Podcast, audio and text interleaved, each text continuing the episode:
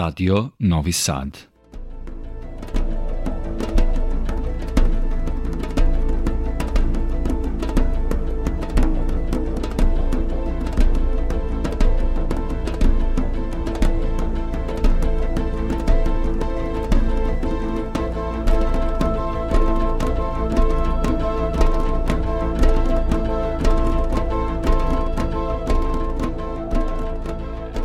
Slušalci, vi pratite program Radio Novog Sada i još jedno izdanje emisije Vox Humana. Pre tačno sedam dana započeli smo razgovor sa našim sagovornikom, doktorom Darkom Polićem, arhitektom, urbanistom, planerom, dve decenije zaposlenom u javnom komunalnom preduzeću Urbanizam u Novom Sadu, autorom brojnih priručnika i zbornika u domaćoj stranoj sručnoj periodici, gostićim predavačem na različitim visokim školama, jedinim arhitektom potpisnikom aplikacije za titulu Novi Sad, Evropska prostavnica kulture 2021. Vođom stručnog tima urbanista pri fondaciji 2021. Vođom tima Expo Milano, aktivnim učesnikom brojnih manifestacija posvećenih arhitekturi i tako dalje. Pominjali smo objašnjenje profesije urbaniste, prostornog planera, krećući od osnova poteklih iz humanizma i renesanse i teorije Tomasa Mora o postojanju utopije, koju on detaljno objašnjava, i kao matricu idealnog sveta ili zemlje koje ne postoji, ali i kao parče raja kome težimo, kroz vizuru naše sobstvene želje da ga definišemo i iscrtamo tragojući kroz istoriju i rukovodeći se do sada sakupljenim znanjima sada i ovde. Pomenuli smo i život u neretko absurdnim situacijama gde privatni sektor diktira sled događaja, oličan u sintagmi što više kvadrata, na što manje prostora, ali i o neophodnosti i nužnosti gradskog građanskog aktivizma koji bi osim kulturne baštine određenog habitusa koja već postoji kao da je od tradicije iznalaženjem drugačijih, ali celishodnih i opravdanih rešenja do kojih se zajednički dolazi, mogao svima nama pružiti jedno lepše, humanije, zdravije i bolje mesto za život. Večeras nastavljamo razgovor sa našim gostom.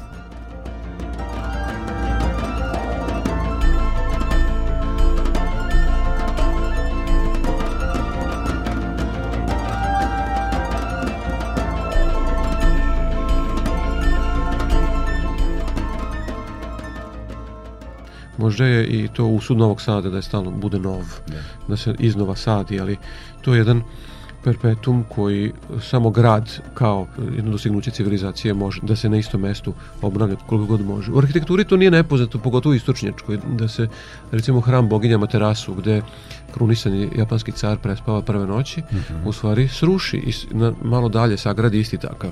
Šta se time dobija?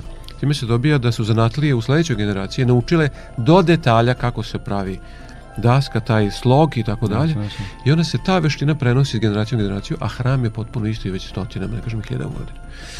Novi Sad bi mogao da kaže, e sad mi pravimo novi grad, ali svi žele da su u tom centru. Sad svako je želeo da nešto ostavi. to davno nije trend više u svetu, niko ne živi u downtownu, mislim da je potpuno... Ali govore, ako govorimo tu identitetskom malo pre temi, znači imali smo gradsku kuću, imali smo crkvu imena Mariju katedrali, imali smo sabornu, imali smo sinagogu. E, imali smo Jermensku pa više nemamo. Sad neko novi hoće tu da ostavi trag u tom svetom delu. Sad je bulevar produžen, nije mogao pre drugog svjetskog rata, može posle iz više razloga, pa smo mi stavili svoju vertikalu glavna pošta. Znači pošta je simbolički napredak komunikacije i tako dalje. Ona je u jednoj vrlo solidnoj brašovanoj zgradi, ja ne kažem, ali ona je zapravo raskrčila deo starog sveta da bi tu postavila. Nije čudo što je sad takođe jedna identitetski, ajde da, da ostanemo na tom atributu zgrade, takozvane Pupinove palate, koja je isto želala da bude tu, ona bi možda mogla da bude nekdo, ali ne, ona je želala da bude u centru takođe u jednom vremenu i sa nekim drugim ljudima. E sada, kako si rekao, Evropska predstavnica kulture donosi tu matricu u kojoj je sve ovo prevaziđeno u kojoj nisu samo svi muzeji na 10 metara, 10 jedan minuta, drugog, jedan od da, drugog, da, da. i jedan pored druga i tako dalje. Nego je to neki kulturna tačka na Novom naselju, na Klisi, u Sremskoj kamenici. Sremska strana nam je zapuštena koje je možda i u nekom, nekom drugom delu grada, gde, možda i u nekom od tih malih mesta gde se nedovoljno dešava. Šta se dešava u Kovilju? Oni se tamo muče sa malim ovih sad se dešava, dešava u Kovilju. Šta je u Kisaču? kuća koja je ostavljena nije zaživjela. Znači, potrebno je znanja da se sad te nove kulturne institucije dignu. Kako smo mi to bar u onom delu pre pisanja prvog bitbooka, pa a onda se on našao i u ovom pobedničkom bitbooku. I to je jako zanimljivo. Žanko Tomić je kum bio te uh -huh. ideje kulturne stanice. Kulturna stanica je zapravo mesto gde se kao u nekoj stanici, ne kažem benzinskoj stanici, popravljaju stvari, to kažu englezi garage. Da. To je sad i da se sipa benzin, da se malo nešto popravi, ali se popravlja, znači kulturom se popravlja.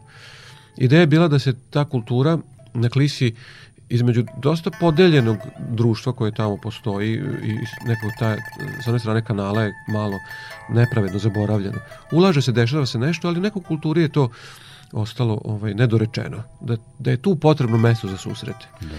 Novo naselje je bila isto mesto za kulturnu stanicu, to divno naselje, koje nema, zapravo ima biblioteku, nema da. kulturni centar. E, Almaški kraj koji je o, koji se pokazao priča, da. da. koji se pokazao kao mesto gde mu je takođe potrebna kulturna stanica. A zašto? Kada smo tražili ta mesta, ne onako sada imamo puno centru pa ćemo ići na periferiju, to je loša zamena teza, što bi se reklo rečnikom 90-ih. you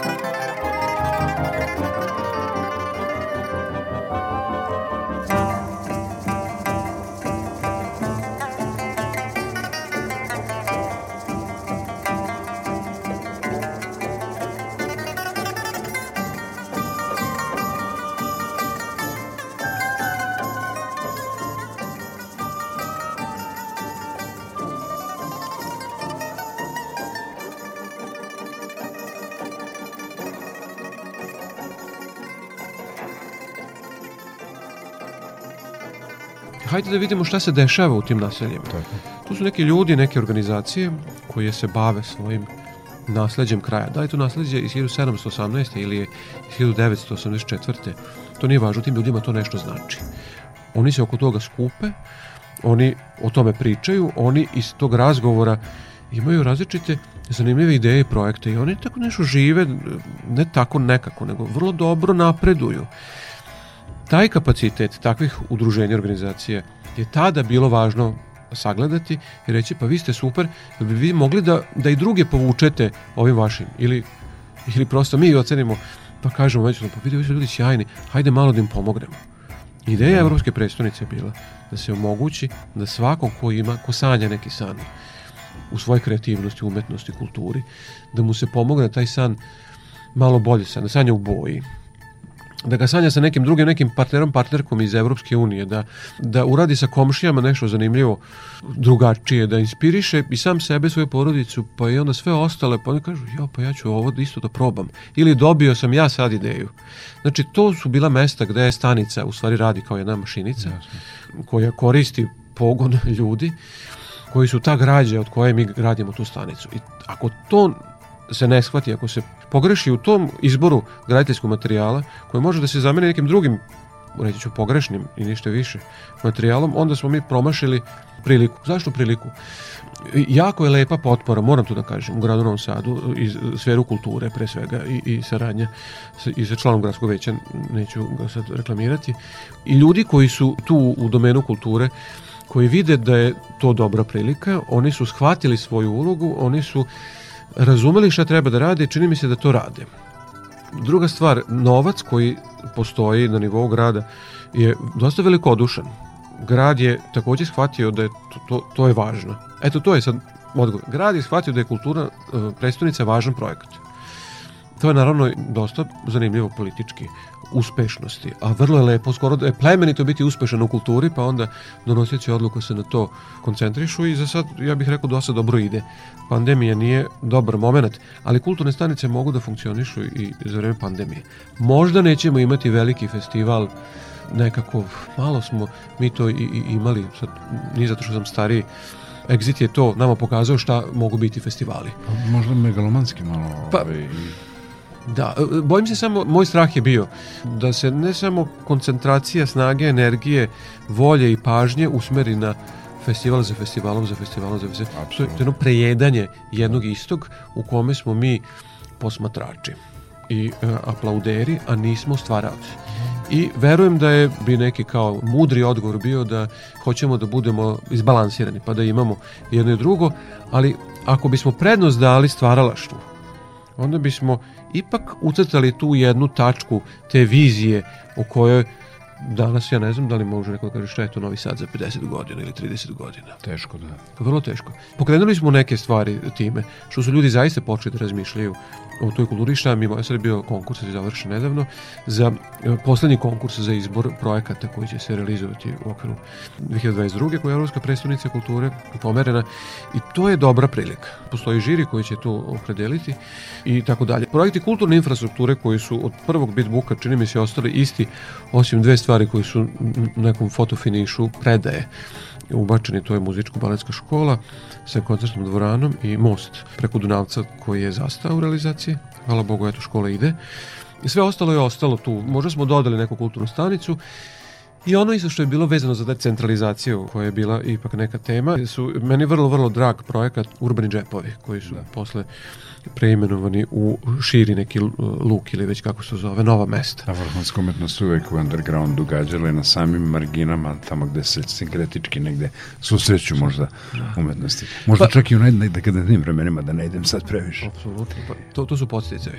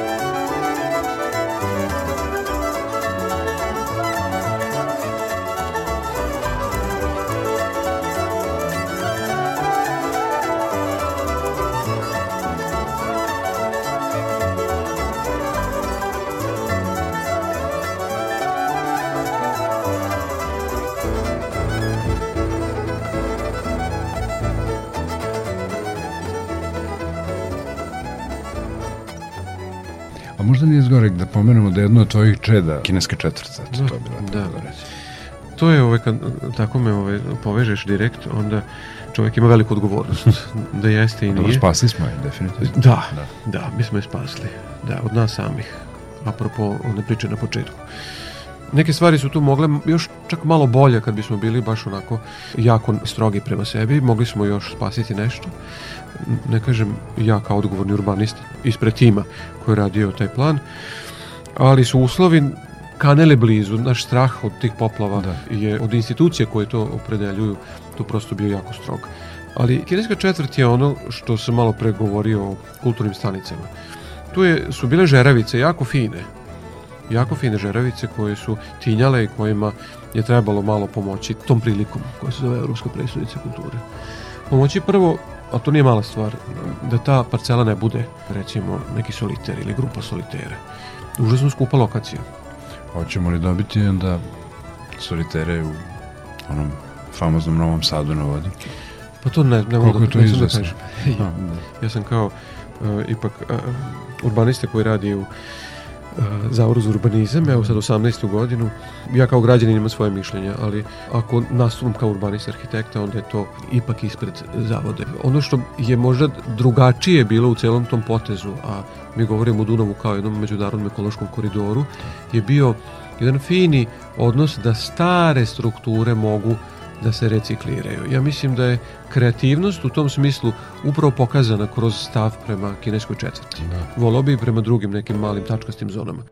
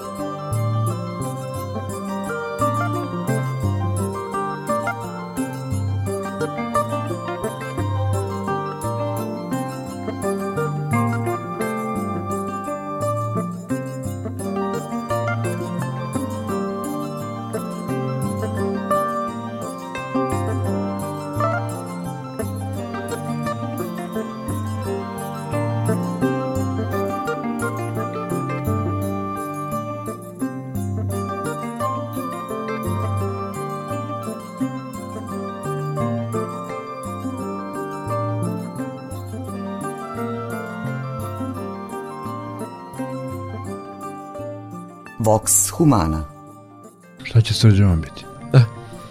Da, to je isto ono drugo od milion dolara. Mislim da nema tvrđave, ne bi nas bilo verovatno ni Novog Sada. Da, tvrđava je ta identitetska odrednica Novog Sada. Uključujući naravno i podgrađe i Tako kompletno I gradište. onda bismo rekli da je Petrovaradin u stvari, da ne bi bilo Petrovaradina, ne bi bilo Novog Tako. Sada. Petrovaradin, Belafons. Petrikon, Tako je. Možemo sad o tome, bave se ljudi, ne, nema potrebe. I ogromna slojevitost Da, tog, da. tog nalazišta od neandertalca kojega smo otkrili slučajno kada smo pravili onaj infrastrukturni koridor kada je to bilo početkom 21. veka, tako nekako.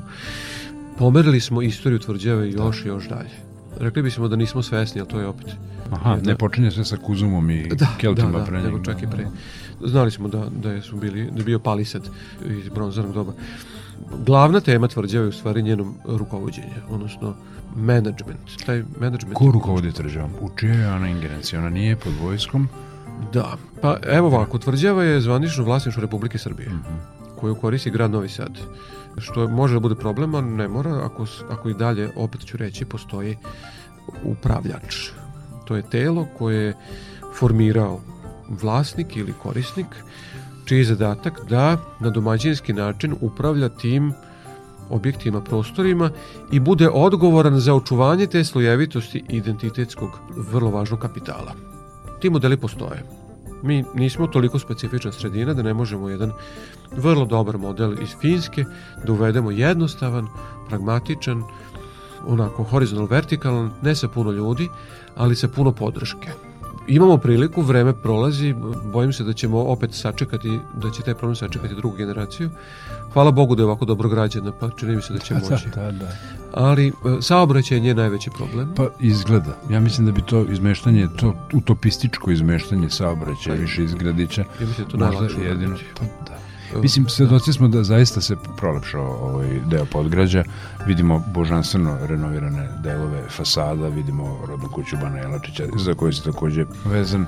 Neki radovi su rađeni na crkvi Svetog Jurija. Ono što turisti žele da vide, što mi osjećamo kao deo svog identiteta kojeg pominješ, kapija je, eto, recimo, okrečena. Da. jel? Jedna od pet preostalih. Mislim, je- jedna preostala od pet.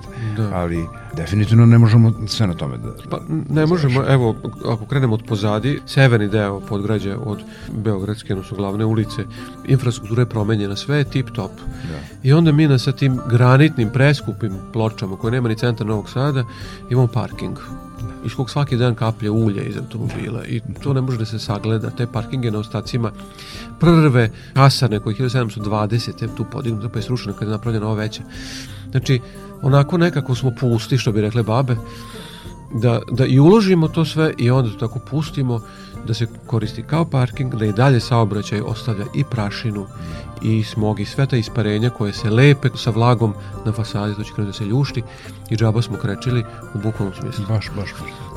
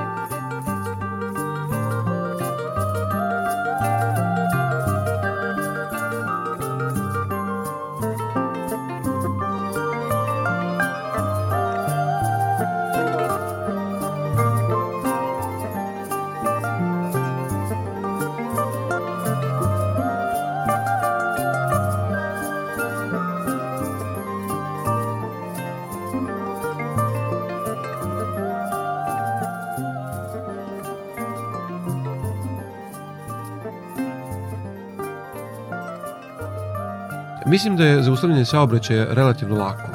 Saobraćajni inženjeri bi rekli treba nam samo dva znaka. Nije to baš tako. Možda tunel mm, jeste jedno od rešenja Pa- ili možda nije.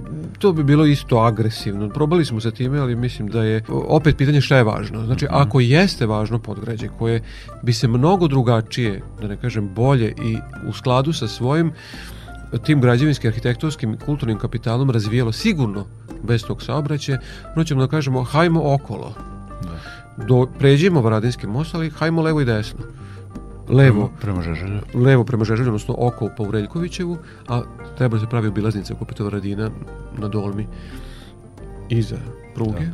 A desno idemo do Tranđamenta, pa ćemo tu da se spustimo u Petrovaradin. Nema zaustavlja, nema semafora i tako dalje i tako dalje. A kroz podgrađe ćemo ostaviti autobuse koje kao javni transport tu prolazi. Naravno, imamo i rješenja za automobile vlasnika koji tu neće ulaziti kolima. Ali to je cena života u podgrađu. Pošto je to toliko vredno, značajno i toliko redko očuvano, jer ne samo zbog ratova i svega što neko se onako ponosimo kao sa, sa nekom užasnom patetikom i, i težinom, da su kod nas stalno prolazile neke vojske, pa je sve razrušeno. Dosta smo mi sami pustili da se sruši, dvoriće po Vojvodini su isto jedna tema. Sinagoge po vojvođanskim gradovima, isto veliki greh. Ajde da ovo sad što je nekako preživelo nas same, zato što nekako nismo bili zainteresovani, ili se nismo time agresivno bavili, da probamo da to sada prebacimo u 21. vek. Jako volim se neka teza, izašla u jednom razgovoru, kreće treća decenija 21. veka, 21. veka. Mi dalje govorimo da li treba zatvoriti saobraćaj kroz podgrađe, a zatvorili smo kroz Majovinu, sećamo se mi stariji, 81. za Spensu. Pa koliko ima do 81. do 2021. Jako puno godina za drugi korak. A gde su treći, četvrti, peti, sedamnaesti? Ja mislim da bi bio greh prema nama opet, sa ovako sređenim podgrađem, pa bit će i ova južna strana sređena. Imamo arheološke vrlo zanimljive nalaziš nekog turskog hana koji treba prezentovati tako. Kad ćemo druge stvari da radimo, ako ovo ne uradimo kako treba? Znači, tema je telo koje ima puno podršku, koje će rukovoditi Petrovanijskom tvrđavom na dnevnom nivou, uz podršku svih drugih gradskih preduzeća. To je strašno lep izazov. Zašto? Zato što se mi na jedan novi, ne kažem kreativan način, bavimo kao nikad pre, kao nijedna druga generacija, zato što nije mogla, nije znala. Najozbiljniji su bili zahvati, neću puno se vraćam, inženjera Sečujskog Andrije, koji je od vojne kasare napravio cijeli deo, ali posle toga je sve bilo samo košenje trave i eventualno ako nešto baš se raspadne, ponekad se obnovi. Znači, moramo imati telo koje naravno ima svoju viziju, ima svoju strategiju, ima svoj akcijni plan koji sprovodi.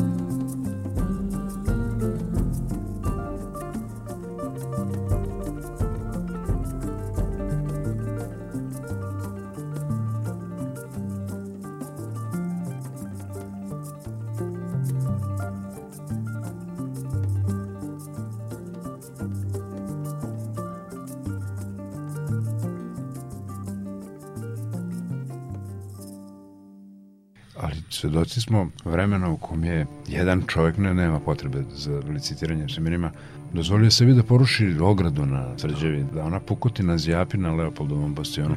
Ja uopšte neću da dovodim to u vezu sada svesno sa vibracijama i sa subwooferima egzitovskih stage-eva, uopšte ne znam da li je to tako i ne, nije. To je savezničkog bombardovanja, čak su mi objasnili. Ali zašto ne saniramo? Možemo li da saniramo? Pa možemo. Da. Ja ću reći još jednu jako zanimljivu stvar, tamo gde su jeleni, Rika Jelena, Aha, Soldatović je iznad. E, kavalir. Da, on je, e, kad je srušena stara srednjovekovna tvrđava, onda je sva ta zemlja sa ostacima tamo prebačena. Jer su sve ti zemljene ispune su stvari bile od šuta. Znači, mm -hmm. to je par excellence arheološko nalazište, na primjer. Da. Kad će to doći na red? Mislim da bismo svaša tu saznali. Da ne kažem drugo. A po, podzemlje tek? A podzemlje tek. Treba krenuti, treba Imamo. imati ovaj, segmente kojima se bavimo.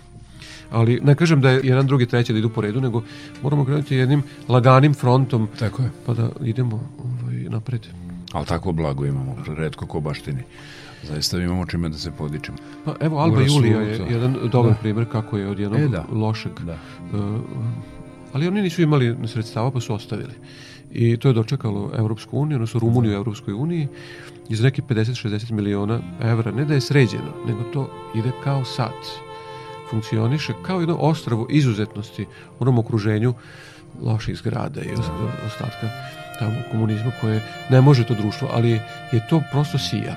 Jasno. Alba Julija. Znači, mi nismo u Evropskoj uniji, ti fondovi su nama nedostupni, ali može nije tako. Evo Golubac je sjajan primjer koji u istoj našoj zemlji, Srbiji, je jako lepo sređen, je vrlo mudro, vrlo pametno. Tako. Ono što se možda neke kolege konzervatori, arhitekte koji se bave zaštitom neće složiti, ali Golubac jeste obnovljen metodom asocijacije pre svega. Mm -hmm. Nije to toliko složeno i komplikovano, da se mi ne bi znali da je tu bio krov od Šindre, na primjer, da, da. hladno-ratovskim kulama. Da koje su četvrtaste. Ali više ne gledamo ruševine. Mislim, te ruševine, te pukotine jako posvesno deluju na nas, kao da stalno pijemo i slomljene šolje za kafu ili napukle šolje za kafu. Pa dajte nam dajte nam nešto, nam vratite nas tamo i, i ne znamo što je to posledna brendovski konična slika Srbije, a divna nego da. Gde su ostale mogućnosti? Nije otišao u kič, jako je lepo po mnogim tim segmentima obnovljen otkriveni taj turski han i neki rimsko predveđe. Svaša je sad tu pronađeno. Jedan put se otvorila da, knjiga da, da. Golubca. A gde, gde je onda naša tvrđava ili nešto drugo? Da, Gibraltar na Dunavu. Da. Druga po veličini Balda. Pa tog tipa u Austru, da, da, Austrijskoj da. carovini.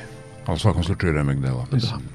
Da. vrlo zanimljivo, samo ću to još reći, ona je kombinacija primenjenog vobanovskog principa da. artiljerijske tvrđave koja je i na brdu, da. ali i u niziji. Tako. Dole funkcioniše kao vaserštat sa onom vodom, yes, gore yes. i se prilagodila terenu, tako da je ovaj jako, jako mudro sproveden princip. Da.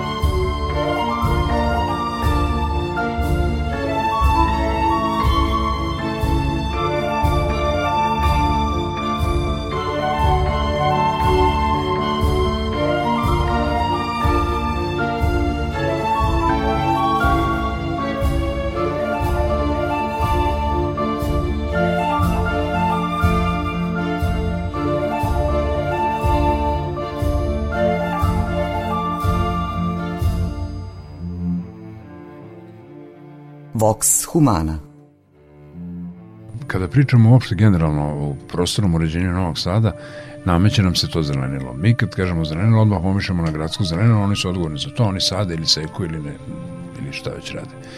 E, definitivno mislim da je posao urbaniste da predvidi zelenu površinu. Mi imamo delove grada koji ne da nisu zelenjeni, ovdje ne inače pati, mi imamo nešto ispod 6%, nešto katastrofu pošumljenosti, ni nemamo čak ni one vetrobrane više, nemamo, zatrpavali smo mi čak i jandike, one kojima su vekovima navodnjavali seljaci i paori svoje njive svašta nepromišljeno, ako imali smo neke, kako bi ti rekao, od pogrešnih odluka generacije posle ispoštuje. Ali možda bi mogli nešto sada, nikad nije kasno.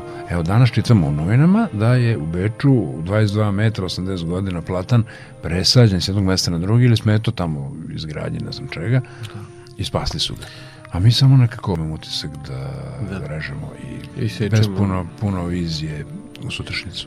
To se jako poklopilo sa onim strašnim trenutkom rušenja drveća u Nišu, u centru Niša. Da. Zbog vizije da glavni trg treba da bude popločan sada kada ne da se klima promenila, nego nam je gotovo neprijatelj. Znači da. velike popločane površine upaljene pod ovim prejekim suncem pa ko to može uopšte postojati? Pa ni ptice neće preletiti preko tako užarenog jedne, jedne, jedne, jedne tepsije bi prosto mogli reći. I eto, u Nišu se to dešavalo noću, nešto je bio praznik je bio. Da. Pa noću, pa tek je svanulo, oni seku i, i, i tako. Ja to ne razumem, mi smo u Novom Sadu ovde pokazali malo više razumevanja, pa čak i u planiranju, ali mi dalje ne govorimo o broju sadnica, odnosno nije rešenje samo broj sadnica koje ćemo posaditi mm. na postojećim pa se ono te sadnice suše, pa je onda to gužva, pa onda to nije ništa. Nego, mislim da ne govorimo, potpuno sam siguran da ne govorimo o novim zelenim površinama koje nam nedostaju. Klima se promenila, nama je i korona pokazala, počeli smo da razmišljamo o svom neposrednom životnom okruženju. Jeste. Time što smo bili na balkonima, u stanovima i gledali samo na izbetonirana dvorišta sa automobilima koje stoje, da. kao neke kontejneri, koji se ne mrdaju zato što ne mogu, a niko da udahne neki miris proleća i tako dalje. Jako je nehumano da govorimo o gradu u kome nema dovoljan broj zelenih površine. Ako su stari gradovi bili tako tesni u njima, parkovi nisu postali, Novi Sad je dobio prvi park, praktično Dunavskim parkom, u nekom, nekom trenutku relativno kasno. Ali to je, to je kraj 19. veka. Kraj 19. veka. I on je organizovana urbanistička celina negovana od tada u jednom običnom meandru, u jednom rukavcu Dunavskog. Tako je. Takođe je onda ta šuma Futoška, hoću reći, kod, oko Jodne banje bio da, u stvari park, da. Banjski park. Ali najveća zelena površina koju Novi Sad dobio posle drugog svetskog rata je Novo groblje. Da. Pa nije baš za, za diku, da. a Novi Sad kad ima Dunavski park i taj Futoški park je imao 35-40 hiljada stanovnika. Znači on bi danas kad ima 400.000 stanovnika mora da ima 10 puta više zelenih površina. Pa ne znam koliko ćemo ih nabrojati. Broji se, evo, radi se za novi generalni urbanistički plan koliko procenata Novi Sad ima. I onda kad dođemo u situaciju da nam treba više, sad šta to znači, ali reći ću nešto što, što će možda zvučati neobično, ali mi planiramo parkove. Mogli bismo i više zato što nedostaju na novoj detalinari, na primjer. Ali onda ćemo parkove da planiramo na privatnim parcelama koji će onda morati grad da otkupi. Da, da ne bi bili građevinsko zemljište. I ono je građevinsko zemljište, ali namenjeno za zelenilo. Da. Znači, ako planiramo nove vrtiće, škole, domove zdravlja, kulturne centre, onda planiramo i zelene površine, jer oni nama trebaju i više možda u nekim trenucima, a ti su trenuci sve češći, i zelene površine.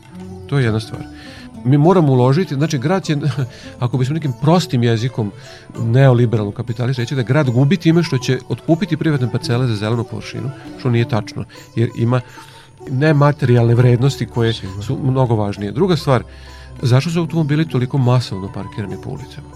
Automobil 95 i više posto vremena svog života je parkiran. I sad je taj nečiji, moj automobil, je parkiran na neki 25 kvadrata koliko je parking mesto sa onim da mogu da izađem yes. vratima. I ja plaćam svim građanima Novog Sada to parče koje može da bude zeleno. Evo, u mojoj zoni je to manje od 2000 dinara. Da. Ja plaćam svim građanima Novog Sada da se ja parkiram. Pa mislim da je to jako luksuzno. Ja bih volio da kažem da imam dobar e, gradski prevoz, ja sam inače biciklista i samo baš kad pada sneg se ne vozim, ali volio bih da gradski prevoz bude takav, opet mora biti malo drugačiji za ovoliki Novi Sad nego pre, da ja mogu da imam neku izvesnost da meni na aplikaciji na mobilnom telefonu kaže stiže ti dvojka tada. Da. I da ja onda potpuno sigurno tog minuta stojim na stanici i stiže dvojka. I kada, koja mi treba. Onda meni ne treba automobil. Mogu da odem u prvi Max ili Ideju, da kupim šta mi treba, možda jednom mesečno ili jednom nedeljno mi treba da odem negde dalje i tako da. Sad, to su naravno sve stilovi života koji se mogu promeniti, ali gradovi po Evropi koje mi apsolutno pripadamo zatvaraju šire pešačke zone. A nisu te zone izumrle, nisu se ljudi ocelili, naravno. nego nasuprot, žive u tome, udišu čisti vazduh.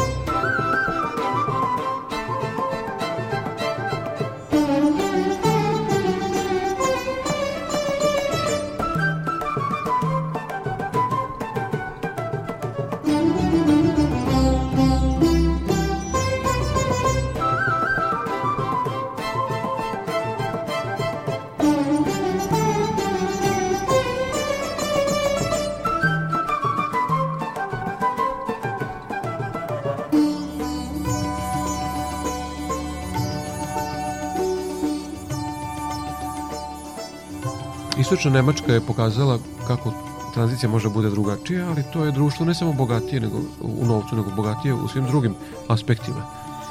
Oni su rušili stare zgrade, su se istočni Nemci selili na zapad.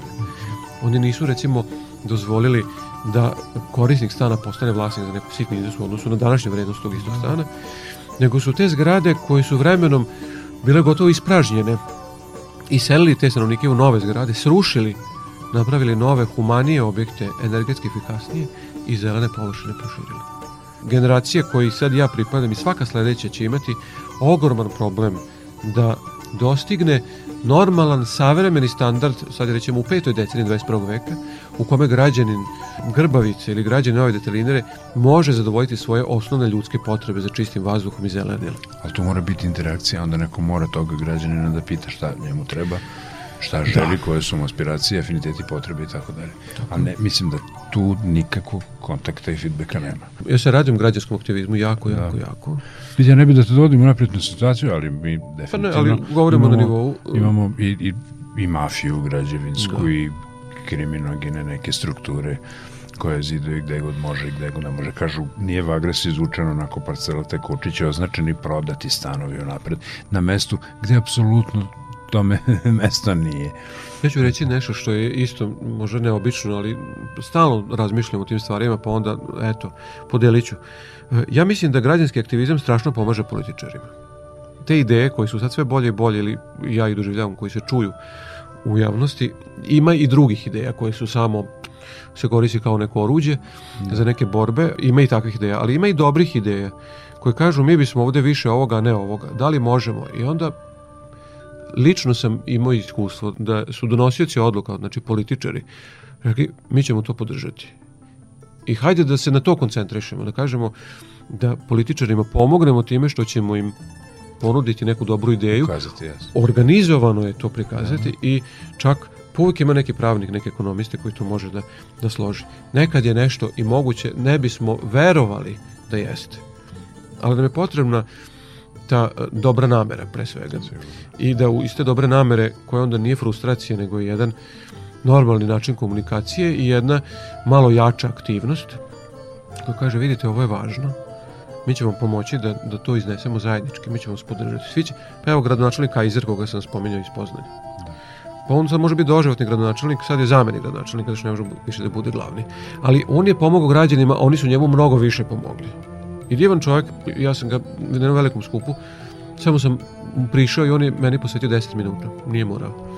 Ali to je jedan profil političara koji više sluša. Ja verujem da, da kod nas ima, ne znam sad koliko, ne družim se s njima baš toliko puno, ali znam neke koji su, ne da saslušaju i ne da poslušaju, nego prosto su i sami imali tu ideju, ali može im baš sad treba reći, pa to su zajedničke ideje, ajmo, ajmo da, da, pod ruku. Da, to su ti sistemski napori.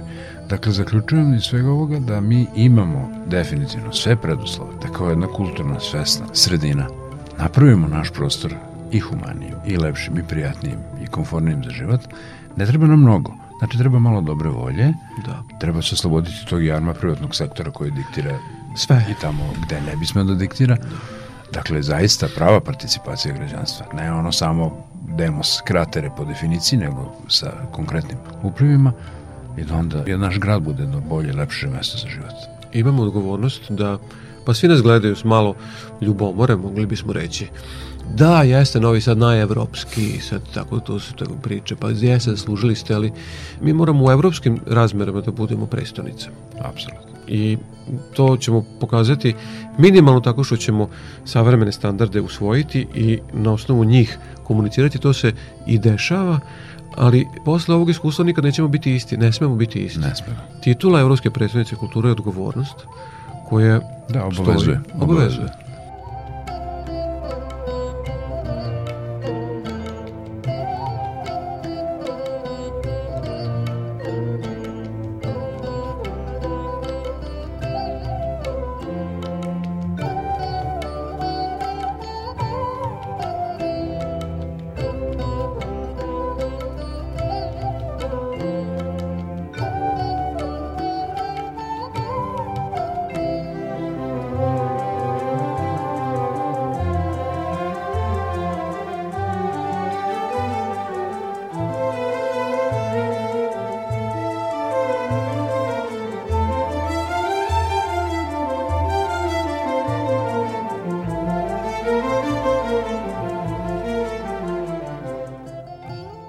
mnogo ti hvala na razgovor i na učešću naše emisije.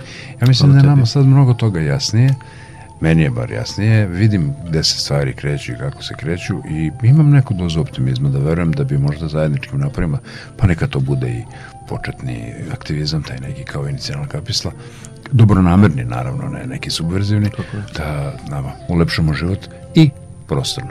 Ako ništa drugo, to ima naš kolega sadi novogodišnje jelke sa busenom, pa da, od deset se dve prime, ali i to je već nešto. Mnogo ti hvala još jednom. Molim.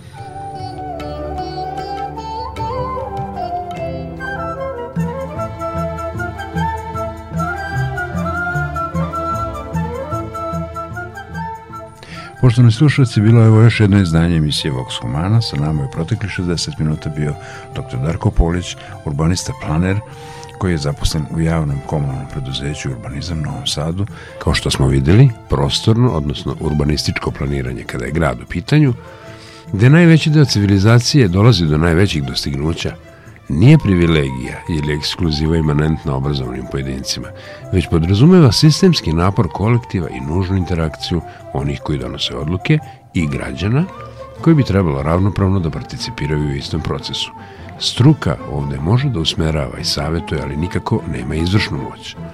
I kao što smo od našeg sagornika čuli, život u neretnako absurdnim situacijama, kada privatni sektor diktira sled događaja, može da se popravi nužnošću građanske participacije, neretko kroz aktivizam, u kompleksnom i složenom sistemu koji za cilj nema samo očuvanje materijalne baštine, nego upravo da inovacijom drugačijih i celishodnih opravdanih rešenja, do kojih dolazimo zajedničkim pregnućima, ostvarimo svima jedno lepše, humanije, zdravije bolje mesto za život.